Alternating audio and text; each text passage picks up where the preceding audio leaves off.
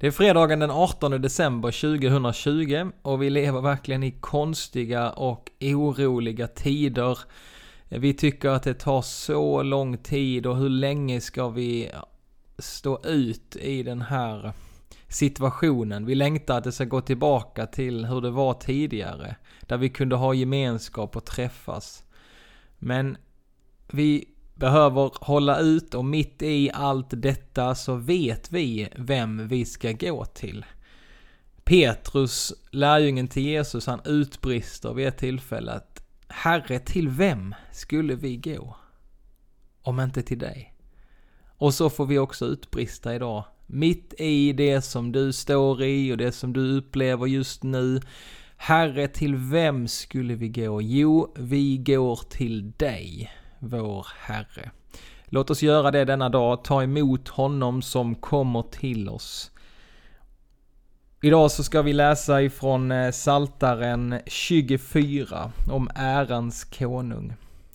Och Saltarsalmen börjar så här.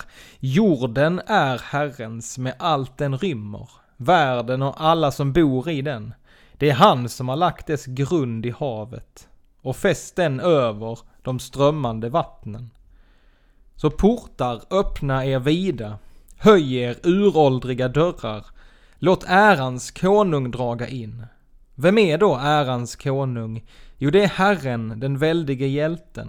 Herren väldig i strid. Portar öppna er vida, höj er uråldriga dörrar, låt ärans konung draga in. Vem är han, ärans konung? Jo, det är Herren Sebaot. Han är ärans konung. Och ifrån profeten Jesaja så läser jag kapitel 61.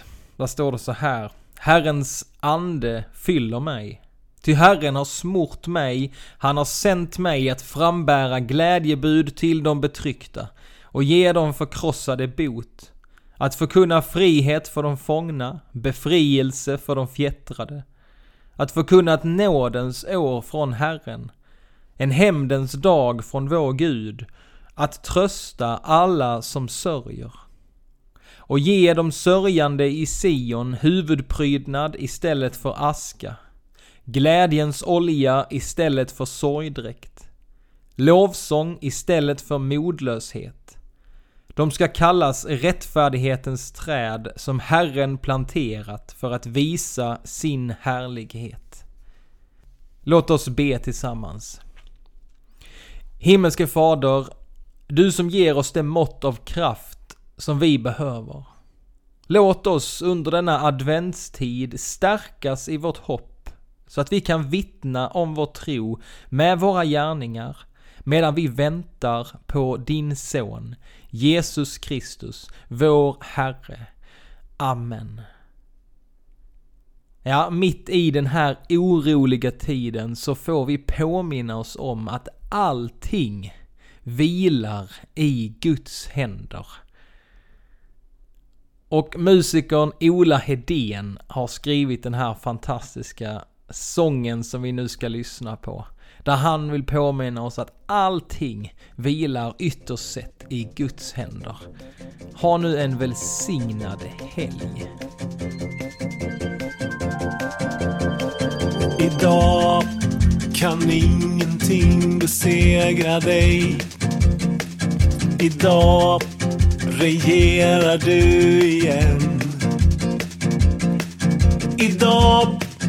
Precis som alla andra dagar är allting i din hand.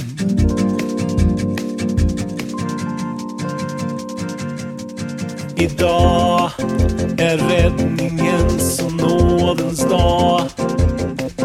Idag skapar du igen. Idag kan ingenting förvåna